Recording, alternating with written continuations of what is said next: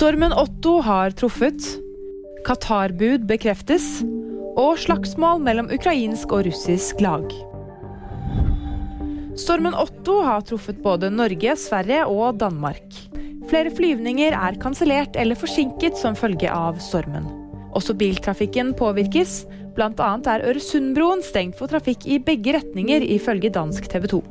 I tillegg har Color Line innstilt flere avganger mellom Norge og Danmark som følge av uværet.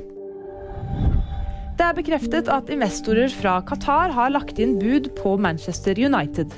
Av de interesserte skal tre ulike investorgrupper fra Qatar være blant favorittene til å overta plassen til den omstridte Glazer-familien, som har vært eiere av klubben siden 2005.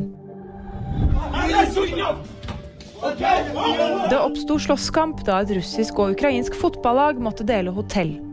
Hendelsen fant sted mandag 13.2. Ukrainerne og russerne var på treningsleir i Tyrkia og ble nødt til å flytte på seg som følge av jordskjelvkatastrofen.